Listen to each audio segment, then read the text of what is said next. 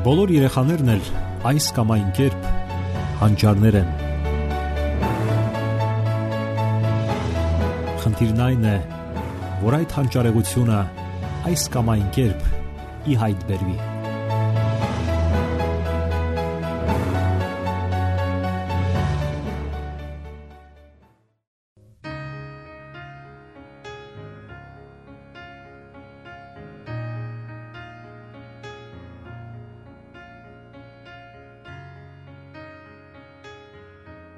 Բարև ձեզ սիրելի ռադիո լսողներ։ Եթերում դասյարակություն հաղորդաշարն է։ Մրցակցություն երևույթը երեխաների մեջ բավականին տարածված է։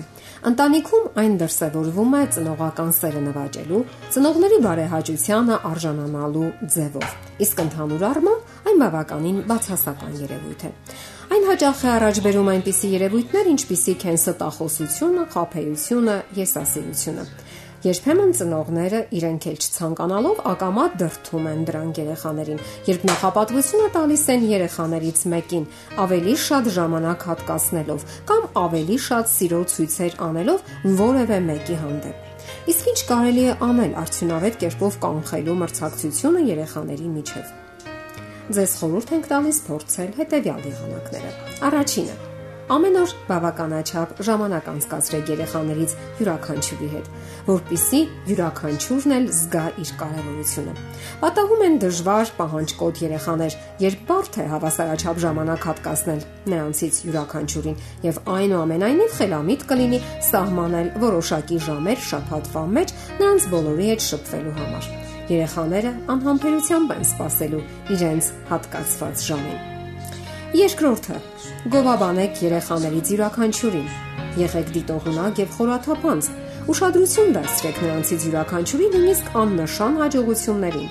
Գեղեցիկ սանրված մազերին, խնամքով կապված կոշիկի քուղերին, արտասանված շնորհակալական բառերին։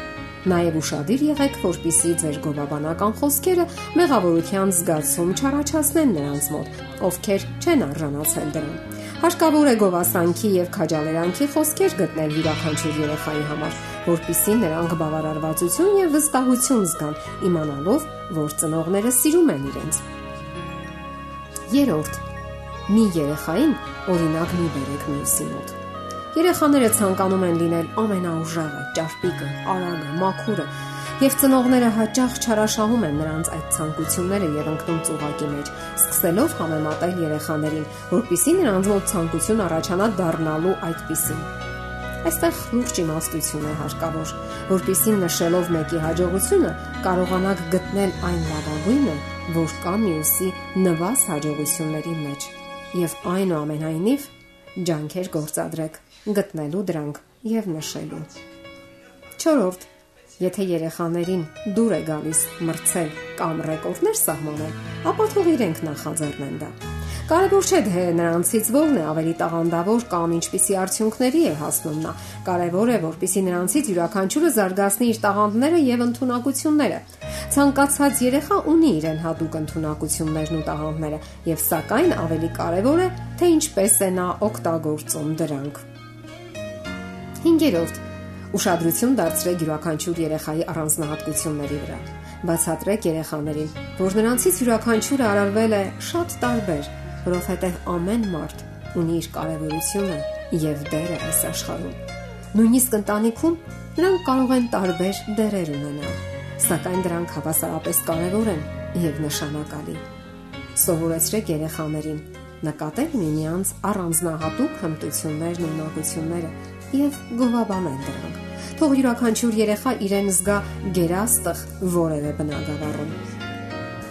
Ընտանիքում կարող են միանման գնահատել եւ նրան, ով գերազանց հարդարում է անկողինը, եւ նրան, ով գերազանց ջութակ է նվագում։ Հասկանալի է նաեւ, որ աշխարհում գնահատման այլ չափանիշներ են գործում, սակայն դրանք չեն կարող օրինակ լինել ձեզ համար։ 6. Բոլոր երեխաներին վերաբերվեք արդարացի։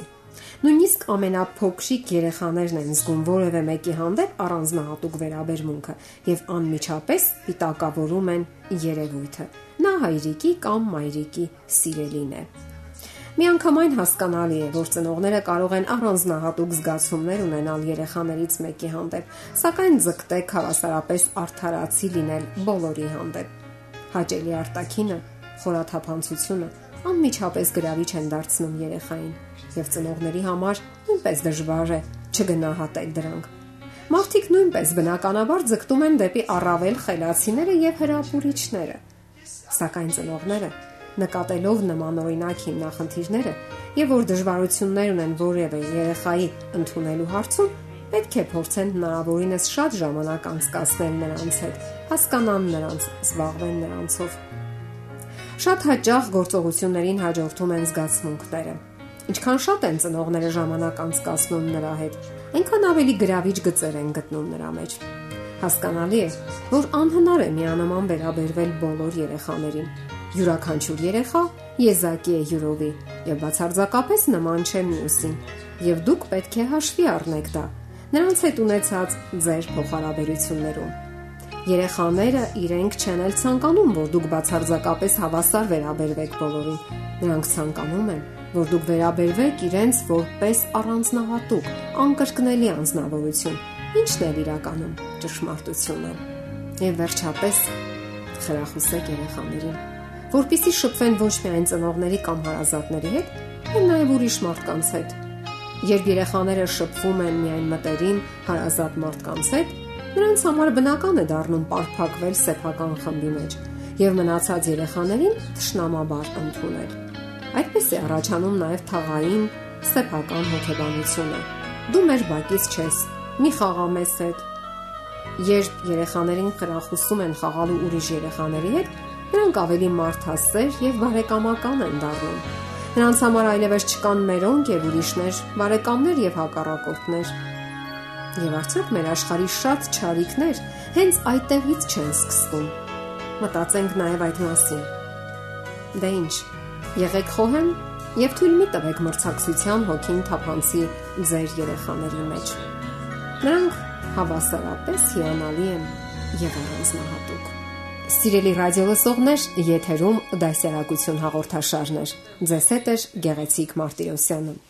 Ձեզ ուզող հարցերի համար կարող եք զանգահարել 093 00 6327 կամ 094 93 55 77 հեռախոսահամարներով։